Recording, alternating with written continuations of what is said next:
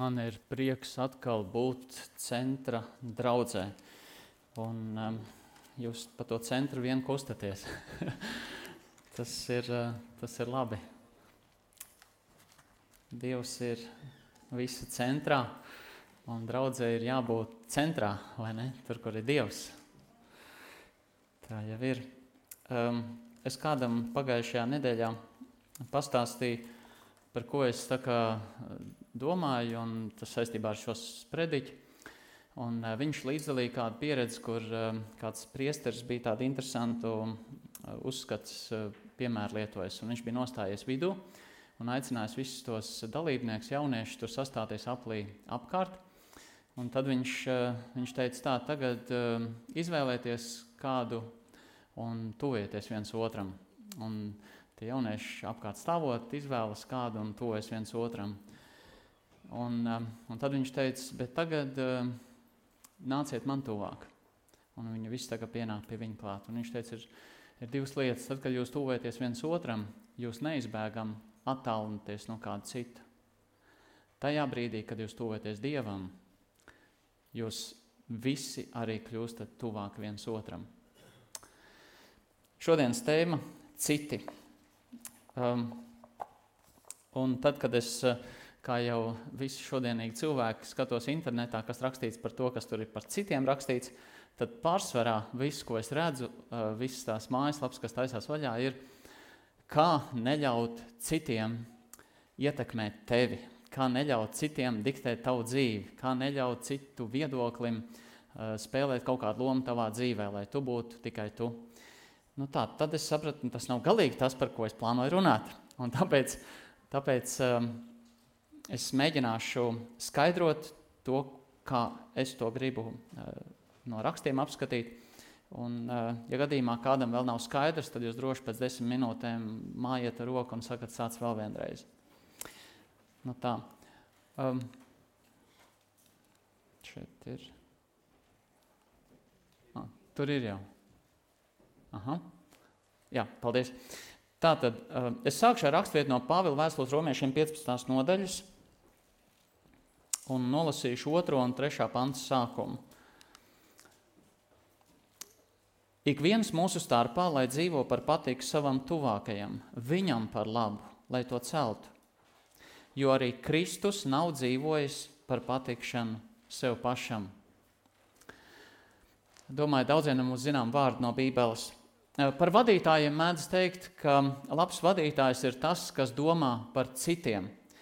Un par pazemību saka, ka tās nav zemes domas par sevi, bet mazāka domāšana par sevi.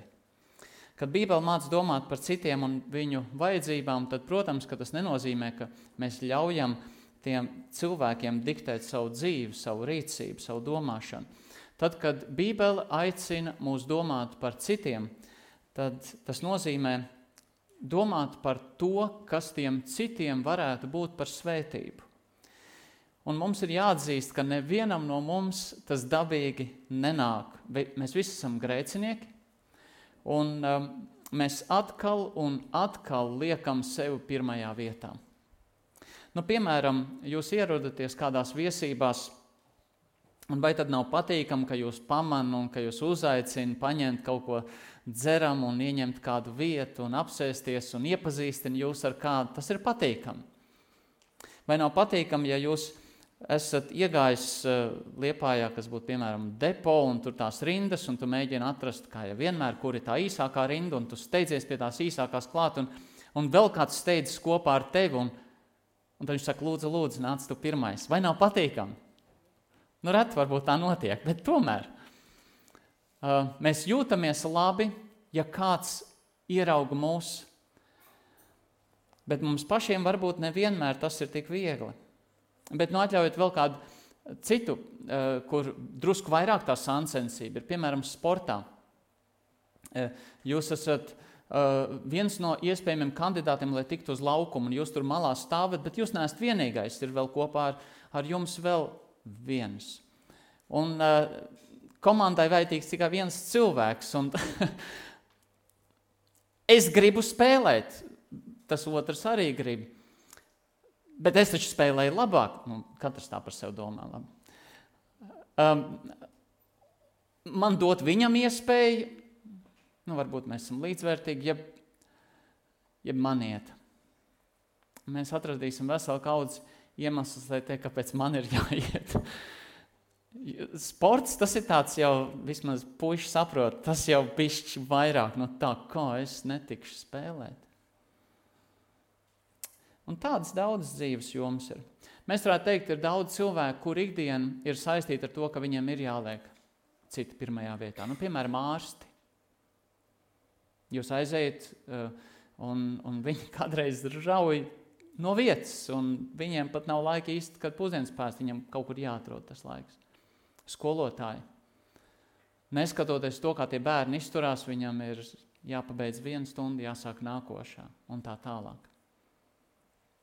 Sociālie darbinieki nerad saskarās ar visu kaut ko. Mācītāji, daudz citi. Bet, ziniet, ja tas beidzās, tad, kad beidzās darba laiks, tas nozīmē, ka viņi liek citus pirmajā vietā, tāpēc, ka viņiem par to maksā. Jautājums ir, vai tas ir, vai tas ir viņu, vai tas ir mūsu attieksmē, likt citus augstāk par sevi. Tos vārdus, kurus mēs lasījām, šie vārdi no vēstules romiešiem, tur ir plašāks konteksts. Tas, tas lielākais konteksts ir visi iepriekšējā nodaļa. Un uh, bieži cilvēki pārdzīvo, protams, ko citi par viņiem domā un saka, bet tad, kad mēs skatāmies uz iepriekšējo nodaļu, 14. nodaļu, tad galvenais fokus nav uz tiem, kas pārdzīvo, bet uz tiem, kas šo pārdzīvojumu rada. Varētu teikt uz mums, jo mēs tiekam uzrunāti. Tā vietā, lai mācītu Eh, neļaut citiem ietekmēt tevi, mani. Pāvils šajā nodaļā māca, kā neietekmēt citus. Precīzāk, kā negatīvi neietekmēt citus. Un par to tad arī šodienas tēma - citi. Jeb kā citus likt pirmajā vietā. Dažas domas. Pirmkārt,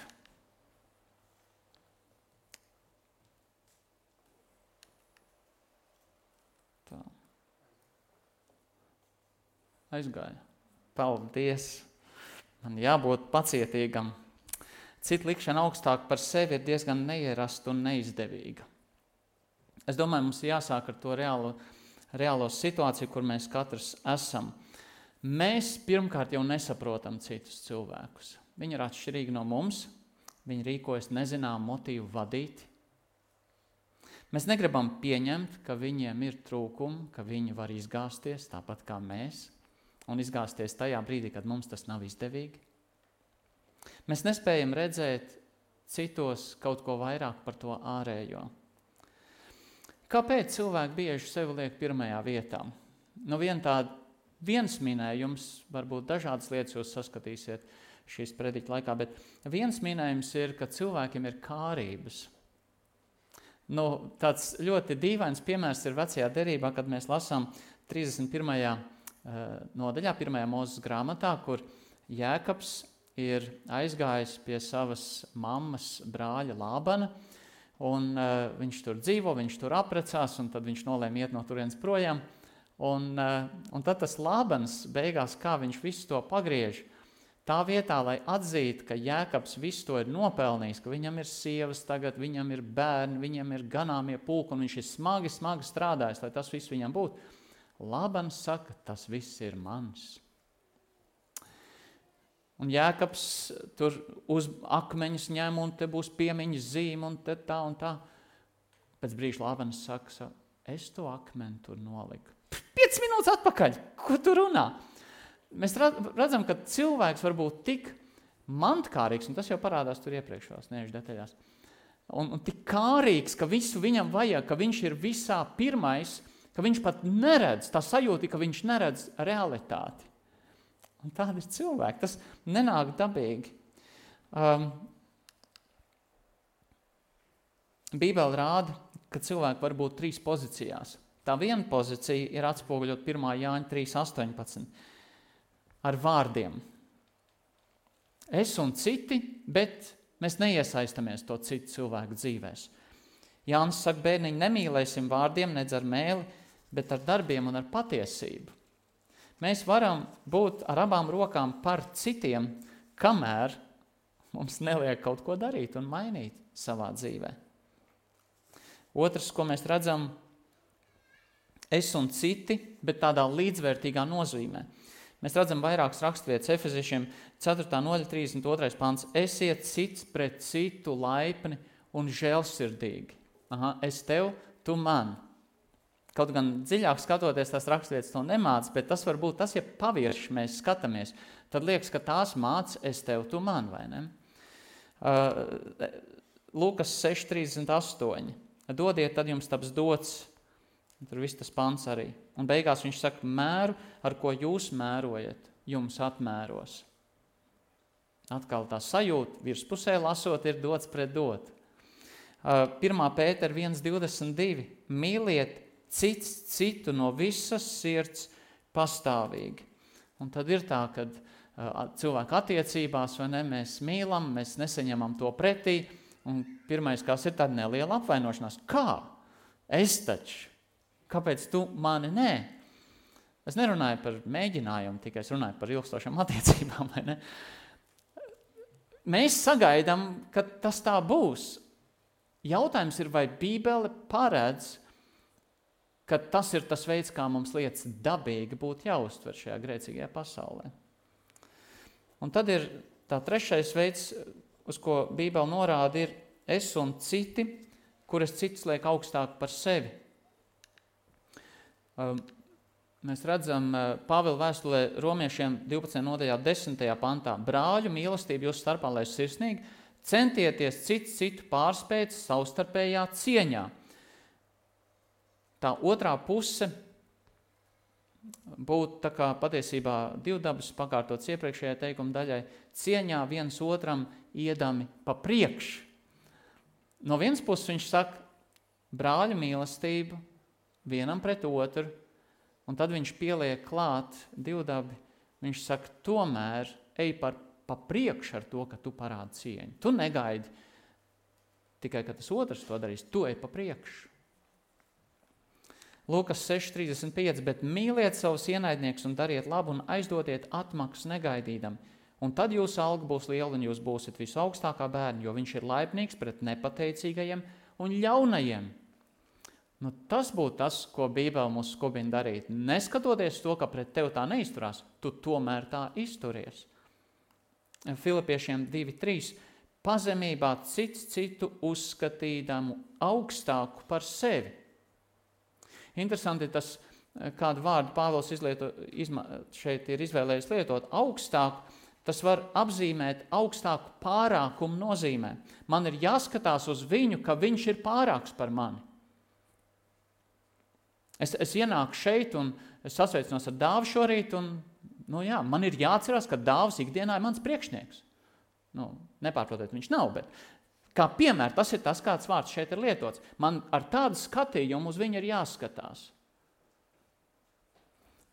Tas vārds var nozīmēt arī ne tikai pēc autoritātes, bet arī tādā pārspējošā nozīmē. Es skatos uz viņu, viņš ir pārāks par mani, viņš ir jaudīgāks, viņš ir spējīgāks par mani. Vienā brīdī Kaut kur dabīgi tas notiek dzīvē, vai ne? Kad tev nāk 40, un es tagad par sevi nerunāju, bet man būtu vēl citi gadi jāpiemina, bet nāk 40 un taviem bērniem jau ir tādi gadi, kur viņi daudz vairāk orientēs tehnoloģijās nekā tu, un tu tā dabīgi pieņem, nu jā, nu kā tādu, nu protams, vai ne? Bet šeit ir runa par to, ka tev ir jāpieņem kaut kas, ko tu dabīgi negribētu pieņemt, ka viņi ir pārāk par tevi.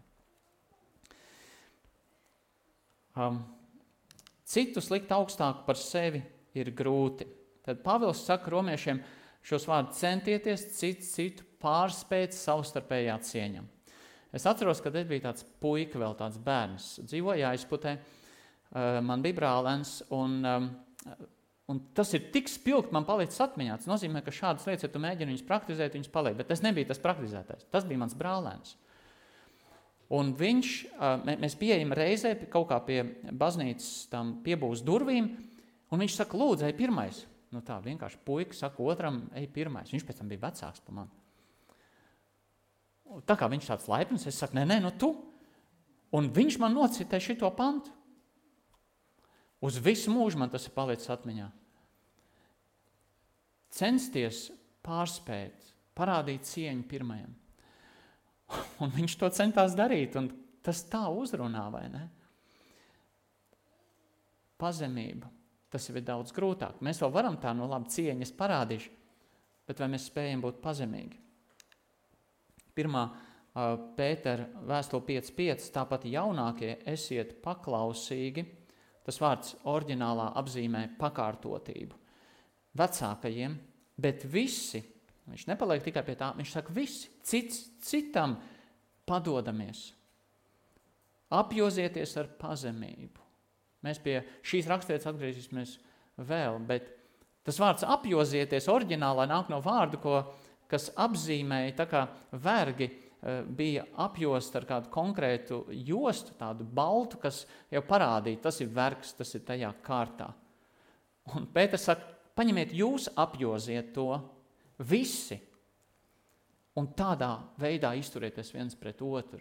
Neiedomājieties, ka tu kaut kas esi, un atcerieties kontekstu, pirms tam te ir runa par mācītājiem, par vadītājiem.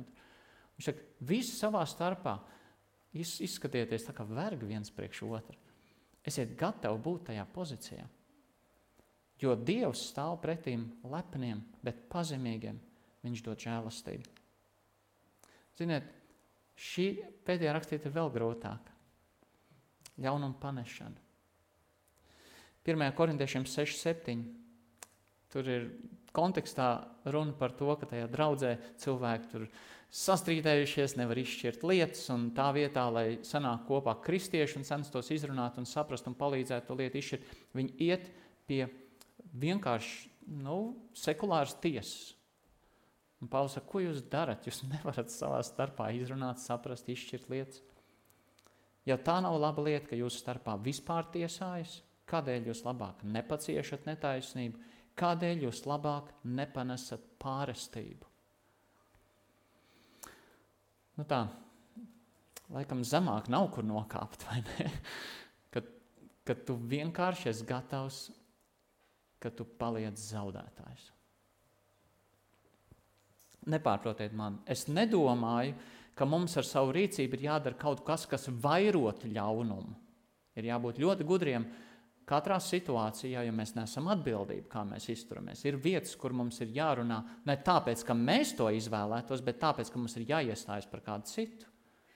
Un ka mums ir jābūt uzticīgiem un patiesiem par to, par ko mēs patiesībā stāvam. Pretējā gadījumā tā ir tāda falša pazemība. Tas ir tā kā vienā tiesā bija uzaicināts kāds ļoti, ļoti, ļoti izcils eksperts savā jomā. Un, uh, Un, uh, viņa draugs arī tur vienkārši sēž un klausās. Un viņam, tad, kad jautā tam ekspertam, viņam aicina dot zvērstu, un viņam jautā, vai tiešām tu esi pats labākais šajā jomā. Un viņš saka, jā, es apliecinu, esmu pats labākais zināmais eksperts šajā jomā. Pēc tās tiesas sēdes draugs saka viņam, paklausies, es tevi pazīstu kā tik pazemīgu cilvēku. Un tad, kad tu pateici, ka tu esi pats labākais, tu man šokēji. Un tas draugs saka, paklau, bet es devu zvēras nemelot. nu, tas joks. Bet ko tas nozīmē? Tas nozīmē, ka ir jāzina, vai ne, kur ko mēs runājam, ko mēs sakam, un, un ka mums jāiestājas par citiem arī. Ir. Bet, ja runa par mums pašiem un to izvēli, kas mums ir jāizdara, mums ir jābūt gataviem būt zaudētājiem.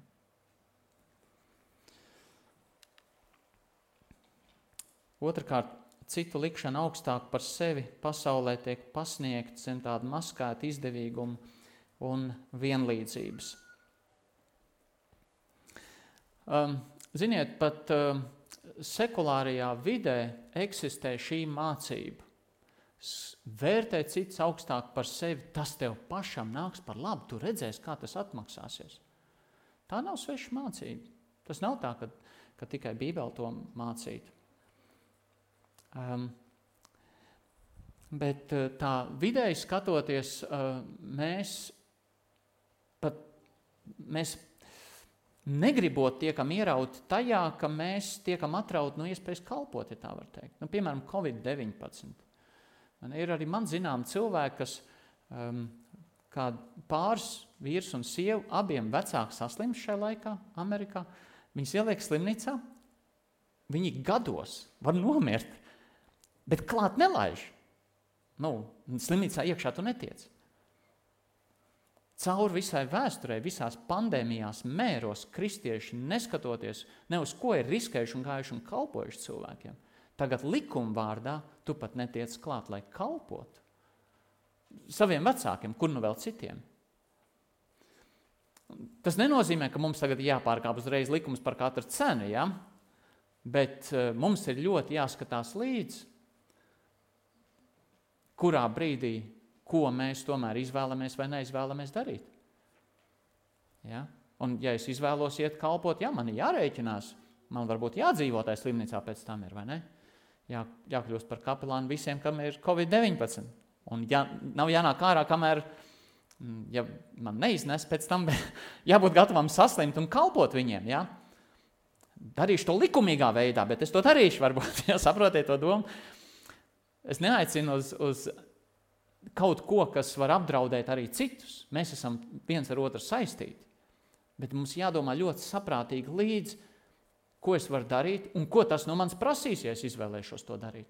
Un ir kaut kas jādara zināmās situācijās.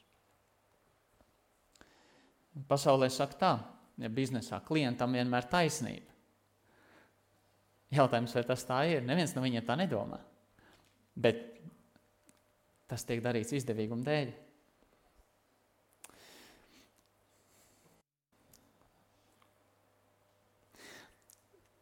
Pasaulē māca, ka viss ir vienlīdzīgi.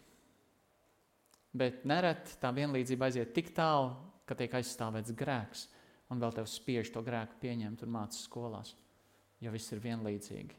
Bet tā vienlīdzība beigās nosverās vairāk uz tiem, kas grib uzspiest grēcīgu dzīvesveidu. Vai tad, ja mēs izvēlamies kalpot un stāvēt tam visam pretī, mēs varam cerēt, ka vienmēr mūs sapratīs un atmaksās mums par to, pateiks paldies? Bībeli saka, ka nē. Nu, viens piemērs. 35. psalmā, 12 līdz 15. Viņi man atmaksā labu ar ļaunu, man dvēseli viņi pamet vienu. Lai gan, kad viņi bija neveseli, es apvilku sērdrēbes un mērdēju sevi ar gavēšanu. Es no sirds aizlūdzu par viņiem, kā par draugiem un brāļiem. Es staigāju tā, kā tāds, kas apraud savu mācu, satriekts, noliektu galvu un tērpies sērdrēbēs. Bet, nu, kad es pakritu, viņi priecājas un pulcējas kopā, un pulcējas pret mani arī ļaudis, kurus es nepazīstu, un nemitas mani nievāt. Grēcīgajā pasaulē mēs nevaram cerēt, ka mūs novērtēs. Un tad, kad arī tiek kaut kas labs it kā piedāvāts, tad patiesībā tur ir izdevīgums. Nu, piemēram, tu ziedo man, tev būs nodokļu atlaides no nu, uzņēmumam, jā, ja kaut ko. Okay, tad es ieinteresēts, lai nodokļu atlaides viņam būtu, ja lai man tas ziedojums tiktu.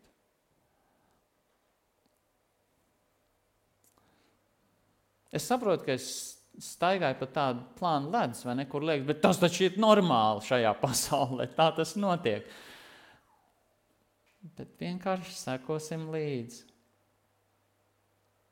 Ziedo un mēs tavu vārdu ierakstīsim.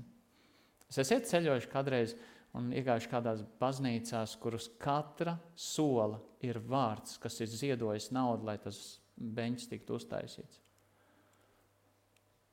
Es, es esmu, man ir gadījies, jā. Un tu staigā pa to baznīcu, un uz katra beņķa ir kaut kāds vārds vai ģimenes vārds, kas ir ziedojis. Um,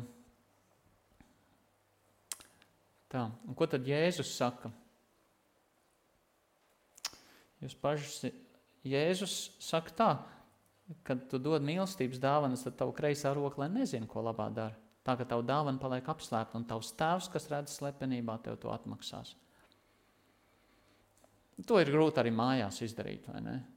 Tu neviens nav mājās, tu gribi sagādāt pārsteigumu, tu iztīri. Viss pārvadās mājās un nepamana. Nu, cik jau tu klusēsi? neviens nav mājās, tu nomazgā trauks, viss pārvadās, neviens nepamana. Cik jau tu klusēsi? var sapratāt, un tā tālāk. Mums ļoti gribās, ka mūs novērtē. Un tajā brīdī, kad novērtē, pazūd. Dievu priekšā viss tas pazūd, tas rēķins. Ja? Banka kā tukša Dievu priekšā tevi. Uh, mums ir jāliek citus augstāk par sevi, tam ir Dieva svētības apsolījumi. Tad, kad mēs lasām Salmana pamācībās, tur ir tāda vārda dvēsele, kas bagātīgi svētīt citus, taps stiprināt, un kas bagātīgi veldzē citus, arī pats kļūs veldzēts. Tas nenozīmē, ka vienmēr Dievs mums dod labumus, bet vienmēr Dievs mums dod Dievu.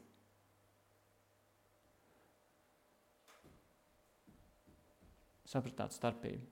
Ir tādas trīs atbildes, ko mēdz teikt, kad tu lūdz Dievu. Dievs saka, vai nu jā, vai nē, vai gaidi. Vislabāk patīk jā, nepatīk nē, bet vismaz ir skaidrība. Bet vissliktāk mums patīk gaidi. Bet jo ilgāk dzīvoju, jo vairāk saprotu, lielākā svētība ir trešajā gaidi. Jo tad, kad Dievs mums māca lūgt, Viņš nekad negrib dot neko mazāku par sevi pašu. To sapratīsim. Un no šī viedokļa skatoties, Dievs vienmēr atbild visas mūsu lūgšanas, agri vai vēlu. Jo Dievs mūs pieviltu, ja Viņš dod kaut ko mazāku par sevi pašu. Tas nebūtu saskaņā ar viņa dabu. Mums ir jāmācās, kamēr Dievs tiek ar mums galā, lai mēs saņemtu Dievu. Tāpēc šo pantu, kad mēs skatāmies, neskatīsimies tikai ar acīm, ka man tagad būs viss. Ne, pirmkārt, man būs Dievs, un tad, kad būs Dievs, tas būs kaut kas fantastisks. Un pārējās lietas ir fantastisks bonus. Um, um, Matei 5, 44, 48. Mīliet savus ienaidniekus, lūdziet Dievu par tiem, kas jūs vajā, ka jūs topat sev debesu tēvu bērnu. Vai tas nav labākais, ko var iegūt? Būt Dieva bērnam, palikt Dieva bērnam, pieaugt kā Dieva bērnam. Un viss, kas tur pārējais rakstīts, tā rakstīt ir zinām, jūs varat skatīties cauri ar, ar acīm. Dievs apsola svētību visiem, kas sekos viņa padomam. Vai arī apstuļu darbu 20, 34, 35. Jūs paši zināt, Pāvils to saka Efes draudzes veciem, ka šīs manas rokas kalpošanas, kalpojušas manām vajadzībām un tiem, kas pie manis bija, Es jums visās lietās esmu rādījis, ka tā strādājot, nāks gādāt par vājiem, pieminot kunga Jēzus vārdu, jo viņš pats ir sacījis, svētīgāk ir dot nekā ņemt. Tu esi svētīts. Tātad citu likšana augstāk par sevi ir jāmācās pie Dieva.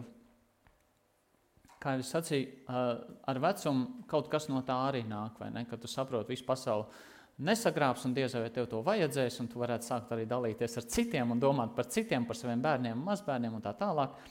Bet, ziniet, visiem tas nenāk tā, un pat tad, kad nāk, tas jautājums jau joprojām ir ļoti aktuāls. Vai tad, kad tev ir 70, tu labāko nopirksi sev vai savam bērnam vai mazbērnam?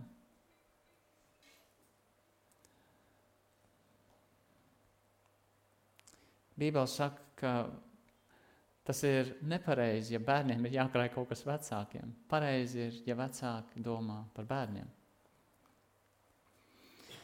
Bet, nu, domājot par to, ko tad, kā mēs varam mācīties no Dieva, ar ko mums būtu jāsāk? Ar Dievu. Pirmais bauslis – es esmu tas kungs tavs Dievs, kas tevi izvedis no Eģiptes zemes, no vergu nama. Tev būs citus dievus turēt manā priekšā.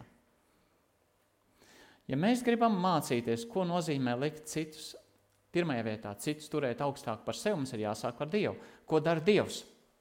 Dievs visvairāk domā par drosmīgi. Sevi. Ko Dievs liek pirmajā vietā? Sevi. Ja mēs gribam pareizi saprast, kā mums likt citus pirmajā vietā, mums ir jāsāk ar Dievu, Un tur parādās tā it kā pretruna. Ar Dievu ir jāsāk, kurš liek sev pirmajā vietā. Kā tad un ko mēs varam mācīties? Par to visu pamazām, bet Dievs liek sevi pirmajā vietā, un ir maldīgi domāt, ka tad, ja mēs liksim sevi pirmajā vietā, mēs iegūsim vajadzīgo spēku, motivāciju un padomu, tad arī palīdzēt citiem. Tur kaut kam ir jānotiek citam. Tad, kad mēs liekam sevi pirmajā vietā, mēs pirmkārt jau nepamanām savu sautīgumu un citas visas sliktās lietas. Mēs esam grēcinieki. Dievs nav grēcinieks. Un tad, kad Dievs liek sevi pirmajā vietā, viņš to izdara tik perfekti, ka mēs mantojam svētību, kur mēs mūžības garumā nevarēsim izmērīt. Bet tikai tāpēc, ka viņš sev liek pirmajā vietā. Jo, ja viņš sev nelikt pirmajā vietā, tad viss ir šķērsām un garu, garām un viss sabrūk, jo viņš ir augstākais iespējamais labums šajā universā. Un liekot sev pirmajā vietā un paturot sevi tajā vietā, kur neviens cits nekad nevar būt, viņš visus citus var padarīt laimīgus. Mēs to nevaram. Mēs esam grēcīgi. Un tad, kad mēs vispirms apmierinām savas vajadzības, mēs sakam, tad mēs domāsim par citiem, mēs neesam spējīgi domāt kā Dievs. Un ja mēs tā domājam, tad mums liekas, ka mēs spēsim būt Dieva vietā un novērtēt, kā to izdarīt. Bet tāda mācība ir ļoti populāra šajā pasaulē. Tu esi krīzē, tu esi problēmās. Nu tad un tev vēl ir jākalpo citiem, tev vēl jāsaprotās ar citiem. Nu, viņi galīgi nejūtīgi, ka viņi nejūt, ka tu esi galīgi, galīgi uz izdegšanas robežas.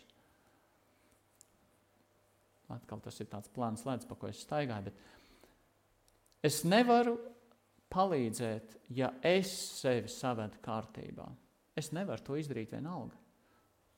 Vienīgais, kā es varu, ir iet pie Dieva, ļaut Dievam man savest kārtībā un kalpot citiem.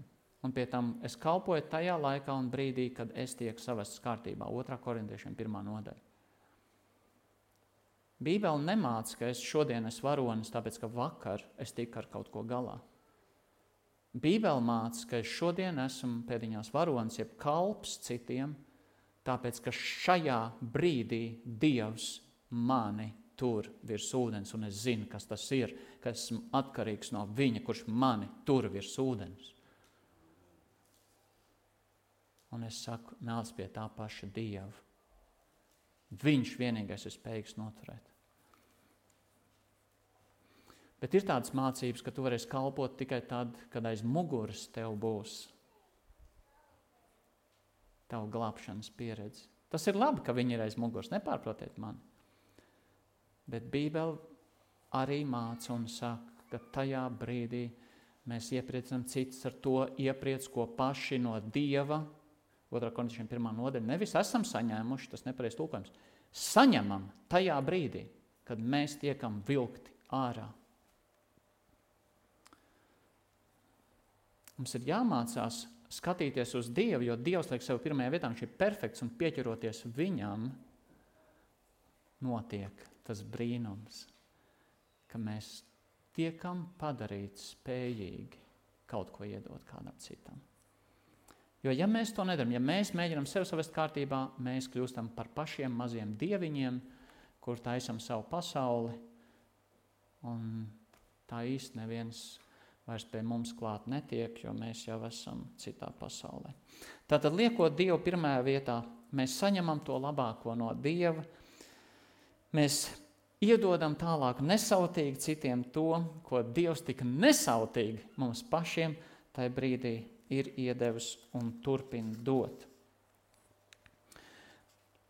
Kā gūt spēku un motivāciju ikdienā skatīties tā, ka mēs liekam cits pirmajā vietā?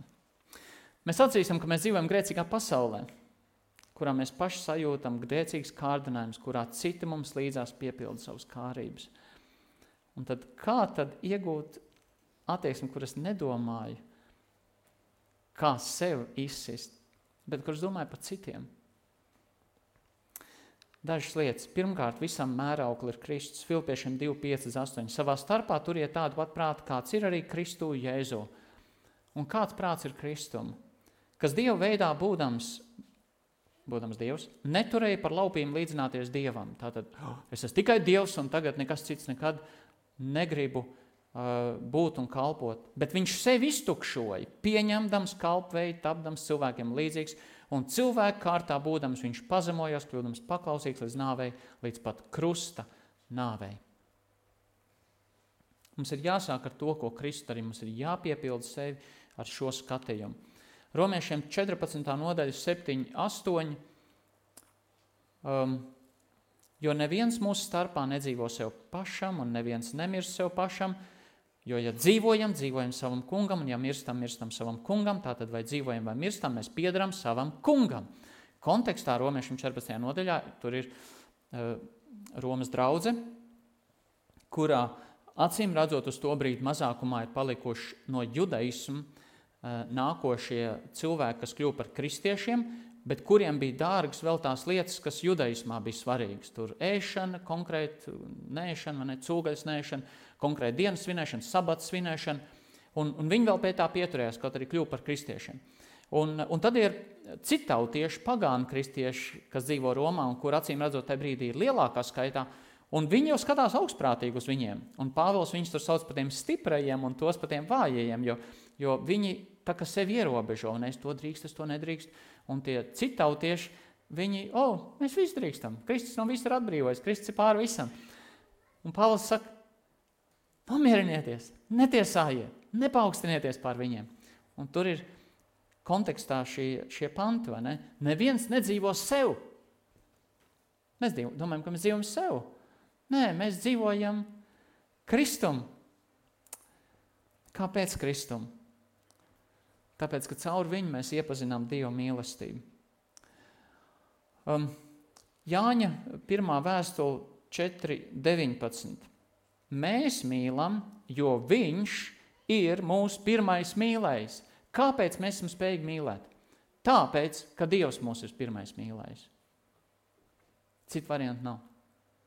Un tad, kad mēs to iepazīstam, tad, uh, tad kaut kas mūsos salūst.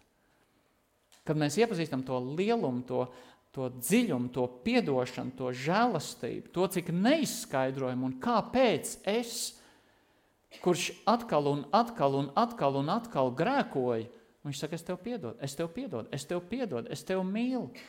Tāpēc jau Jēzus nomira par tevi, jo tu nekad neesi bijis, nespēji un nebūs labs saviem spēkiem. Un, kad mēs to redzam, tad to dara svētais gars, viņš mūs pārliecina par šo dievišķo mīlestību, un mēs atmaikstam, mēs kļūstam spējīgi mīlēt citus.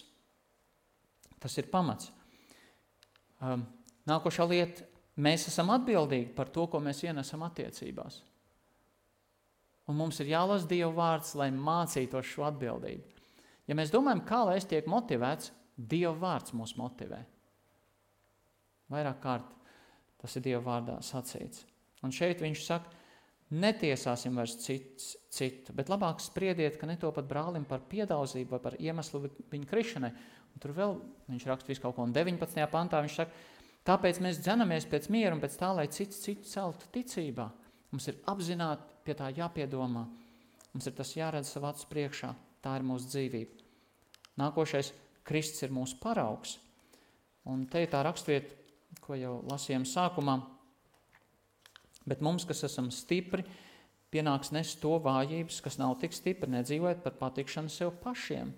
Ik viens mūsu starpā, lai dzīvo par patiku savam tuvākajam, viņam par labu, lai to celt, jo arī Kristus nav dzīvojis par patikšanu sev pašiem. Un paskatieties, kāds ir pamatojums. Bet kā rakstīts, to zaimi, kas tev apsmēja, krituši uz mani. Jēzus uzņēma tos zaimus, kas bija adresēti Dievam vai mēs būtu gatavi paņemt uz sevi to, kas ir adresēts Dievam, kādam citam, un šeit Kristus ir minēts kā paraugs. Un mēs tiekam aicināti arī tā, kā Kristus nedzīvoja sev, bet dzīvot citiem. Tad, kad mēs esam ieinteresēti citos, kādu var to pārprast? Tad, kad mēs kalpojam citiem, kādu var to pārprast? Ko viņš tur pinās ar tām vecām tantēm? Ko viņš tur ņemās ar tiem bērniem, kas nosiekalājušies. Ko viņš tur iet un vēl kādu dzērāju pestīja ārā no kaut kurienes?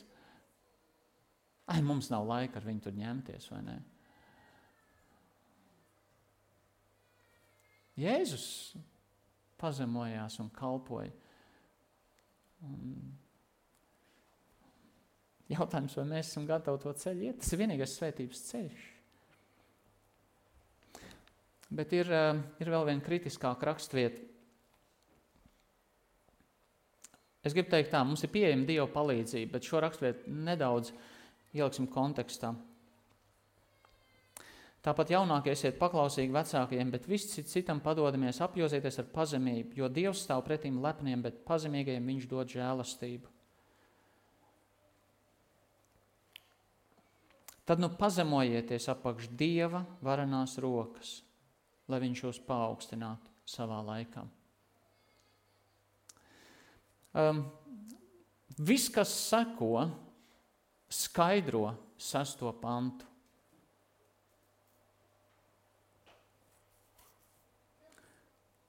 Pazemojieties apakš Dieva varenās lokas, lai viņš jūs paaugstinātu. Visu savu zudīšanos metiet uz viņu, jo viņš gādā par jums. Ja oriģināls uh, saka, tur ir divi dabas, pie tam tādā gramatiskā laikā, ka tas notiek pirms galvenā darbības vārda. Pēc tam, kad mēs esam metuši visu savu zudīšanos uz viņu, viņš gādā par mums. Mēs kādreiz brīnamies, kāpēc Dievs neparūpējas. Tāpēc, ka mēs viņam neusticamies. Mēs visi, kas mūs nospiež, neusticam viņam. Pēc tam, kad esam to izdarījuši, viņš rūpēs, viņš ir apsolījis, ka viņš to darīs. Esiet skaidrā prātā. Šis ir tikai paskaidrojums pie tā, kas ir sastā pantā jau minēts. Esiet skaidrā prātā, esiet modrīgi Jūs pretinieks vēlns staigā apkārt kā lauva rūkdams un meklē, ko tas varētu aprīt. Kāda bija vēlna problēma? Viņš sevi lika pirmajā vietā. Viņš gribēja būt augstāks par Dievu.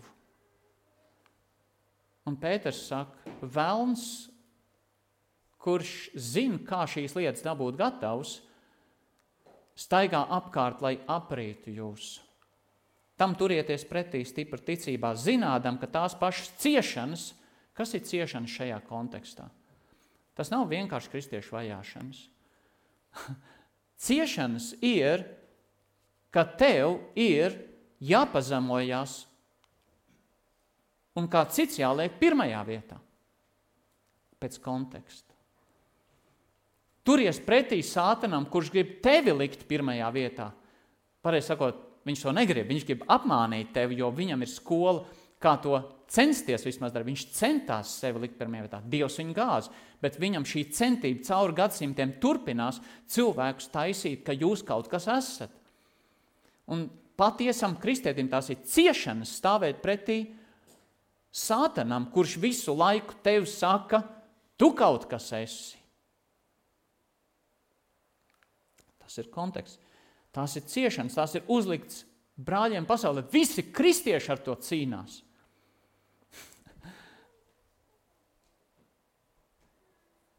Bet viss žēlastības Dievs, kas jūs Kristu ir aicinājis savā mūžīgā godībā, tas jūtas pēc īsām ciešanām.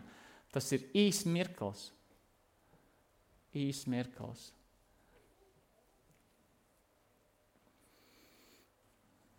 Pirmā liecība bija ļoti īs mirklis, viena nedēļa, kur tu paliki, tas kauns tev bija jāpiedzīvo. tas, tas ir, tu mocies ar to es un man, un kā tagad pie viņiem man aiziet. Ne? Bet viņš sagatavos, stiprinās, spēcinās, darīs pastāvīgus. Dievs ir uzticīgs. Viņš tev aizvedīs līdz galam. Nu, ko? Tad mēs redzam, ka tad, kad mēs negribam palikt otriem, patiesībā ir viens, kas mums aiz pleca to čukst. Es pirmais. Pasaki visiem, ka tu to izdarīji. Parādi visiem, uz ko tu esi spējīgs. Tu to esi pelnījis. es zinu, viss tas teksts.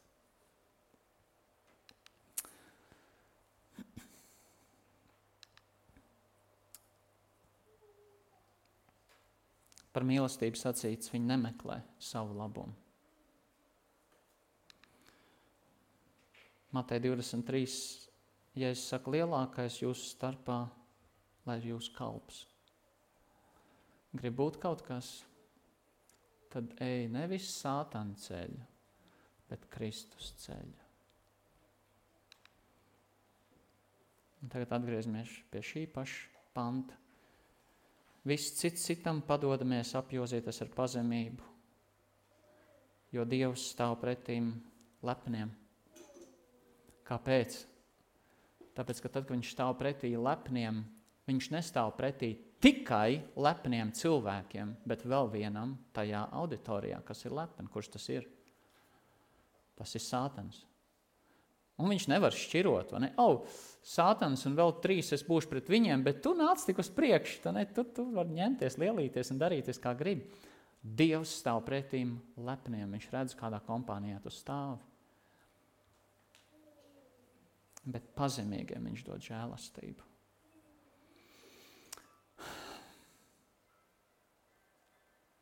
Ko darīt, ja tie citi to nedara? Man, jādam, man jābūt pirmajam, kurš pazemojos, kurš meklē izlīkšanu, kurš meklē. Ko man darīt? Cik ilgi man gaidīt? Atbilde ir diezgan vienkārša, vai ne? Mums ir jāpaskatās to, kurš pirmais iestājās par mums, lai mūs izglābtu. Kurš tas bija? Mēs tie bijām vai Dievs? Un tāpēc nobeigšu ar vienu pantu, kurš uh, ir specifisks, bet patiesībā parāda to, uz ko mums skatīties. Piedodiet cits citam, kā arī Dievs Kristu jums ir piedevis. Pazemojieties, jo Dievs Kristu pazemojās un tā tālāk.